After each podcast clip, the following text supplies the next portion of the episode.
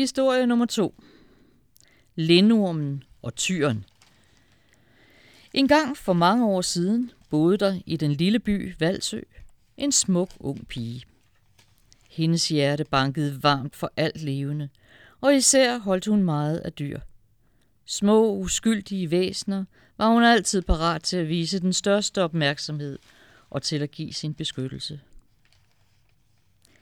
En kold, frysende vinterdag var hun på vej hjem fra Valsø by, efter at have bragt mad til en af egnens fattige gamle. Da hun kommer forbi den smukke hvide kirke i udkanten af byen, ligger der foran hende på stien en lille orm. En af vor herres mindste og usleste skabninger. Den ligger helt stille, stiv af kulde. Hun samler det lille forfrosne kræ op og laver en varm hule med sine hænder, som hun gemmer under det uldne sjal. Hun taler kærligt til ormen, mens hun fortsætter vejen hjem. Her får hun en lille ko, ko med hø, samler et par grønne blade i kålgården og lægger ormen til rette ved varmen nær komfuret. Der går ikke lang tid, før den lille begynder at røre på sig. Den kravler lidt rundt i sin nye bolig og tager snart for sig af den sprøde, friske kål. Pigen glæder sig over dyret, og over, at det ikke var for sent at redde det et lille liv fra frysedøden. Hver dag passer og plejer hun ormen, som befinder sig vel i hendes selskab. Den spiser flittigt af alt, hvad hun lægger i kurven. Bedst har den det, når hun tager den op og holder den i sine varme hænder, taler kærligt til den og stryger den langs ryggen. Den viser sin taknemmelighed ved at vokse sig større, og efterhånden bliver den smukkere og smukkere. To små bitte forben kommer frem. Øjnene bliver runde og klare, og en lille kløftet tunge spiller i munden. I løbet af foråret får den en fin, blank, brungrøn farve, og den vokser med stor fart under den unge piges kærlige pleje. Hun elsker sit plejebarn overalt på jorden. Og da sommeren med sol og varme er på sit højeste, følges de to ad overalt i haven og på marken. Ja, de er nærmest uadskillige. Ormen er nu næsten en alen lang, og den bevæger sig hurtigt afsted på sine to ben, som nu også har fået klør. Langs ryggen er mange fine takker vokset ud, og med sine spidse tænder er den i stand til at spise næsten alt. Sidst på sommeren er ormen blevet så stor, at pigen ikke længere kan bære den. Og hun bliver efterhånden lidt bekymret over den fart, hvormed den vokser. Den bliver også meget mere grådig. Den kan spise en hel grønkålsrække i løbet af en uge. Den begynder at virke dominerende over for sin velgører, og den kan endda finde på at væse af hende, hvis ikke hun gør lige som den ønsker. Da efteråret kommer med regn og blæst, må hun anbringe sit dyr i den lune stald, hvor der er mere plads. Ormen bliver så fornærmet, at den væser af hende og viser sine nu ret store spidse tænder, hver gang hun kommer med mad til den. Hun begynder at blive bange, men ved ikke sin levende råd. Da vinterkulden sætter ind, bliver ormen sløv og sover det meste af tiden. Men den vokser stadig. Den stakkels pige tør slet ikke tænke på, hvad der vil ske, når den vågner af sin dvale til foråret.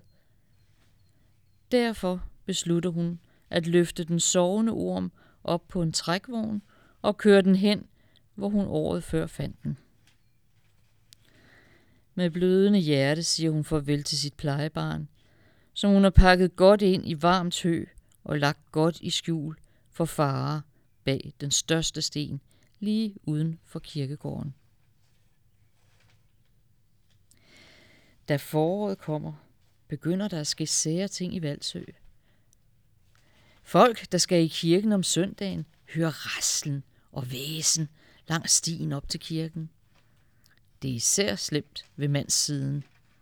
En varm søndag formiddag bliver de mandlige kirkegængere mødt af et forskrækkeligt syn. Et stort uhyre rejser sig op foran kirkedøren. I tre alens højde viser de frygteligste tænder og væser af dem, så de ikke tør fortsætte. Efter at have måttet benytte sig af kvindedøren på kirkens nordside flere søndage efter hinanden, og oven i købet lavet mandsdøren tilmure for en sikkerheds skyld, holdes der rådslagning om, hvad man skal gøre for at fjerne uhyret. Der er næsten lige så mange forslag som mænd. En foreslår, at de angriber med høtyve, en anden, at man laver en giftblanding, en tredje, at dyret blot skal lokkes i en fælde. Men ingen tør nærme sig. Ikke engang i flok. Efter mange og lange drøftelser enes man om at opflaske en tyrekalv med nødekerner og fed sød mælk. Sådan en vil blive så stor og stærk, at den vil kunne bekæmpe det farlige og irriterende dyr. Alle er tilfredse med beslutningen. Sidst på sommeren er både tyr og orm blevet kæmpestore. Og snart skal slaget stå. Ja, ormen er nu så stor, at den næsten kan nå hele vejen rundt om kirken. Alle i Valsø er samlet for at overvære begivenheden. Undtagen den unge pige, som er ulykkelig over den kommers, hun har afstedkommet. Men mest ulykkelig er hun over det, der skal ske med hendes engang så søde lille kæledyr. Det lykkes at få hisset den enormt store tyr så meget op, at den skyer alle farer og går løs på uhyret. Men ormen er forberedt. Den rejser sig i næsten hele sin gru opvækkende størrelse, fægter med de store kløer, væser, så der står ild og røg ud af mund og næse. Tyren føler sig pludselig lille, bliver bange, stikker halen mellem benene og vender om. Men her står alle mænd og kale med ler, river og høtyve, og råben og skrigende jager de igen tyren mod uhyret. Kampen bølger frem og tilbage. Tre gange gentager dramaet sig. Sidste gang er uhyret så udmattet, at det lykkes tyren at få de store spidse horn ind under den ormens bu. Ormen bliver spidet, og tyren flænser den op fra hals til hale, mens der lyder de forfærdeligste skrig. Blod og indvolde vælter ud over alt, og den lange kæmpe falder sammen. Ligger stille, død. Alle jubler over sejren, og den udmattede tyr føres i triumf gennem byen. Siden den dag har man roligt og farefrit kunne passe sin kirkegang i Valsø. Hvordan det siden gik den unge pige, vides ikke. Jamen igen har vi at gøre med et vandresavn.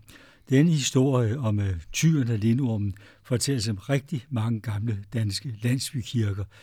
Alene i det nuværende Lejre Kommune fortælles en tre forskellige steder. Så det er simpelthen vremlet med lindorme, eller vi kunne måske indimellem også kalde dem drager.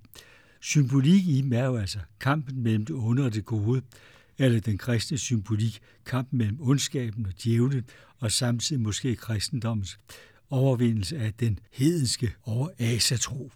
Hvor dramaet udspiller sig i Valsø, der er der faktisk en fin stenkiste, altså en fin gammel bro over bybækken, og den hedder rent faktisk Tyrebroen til minde om kampen.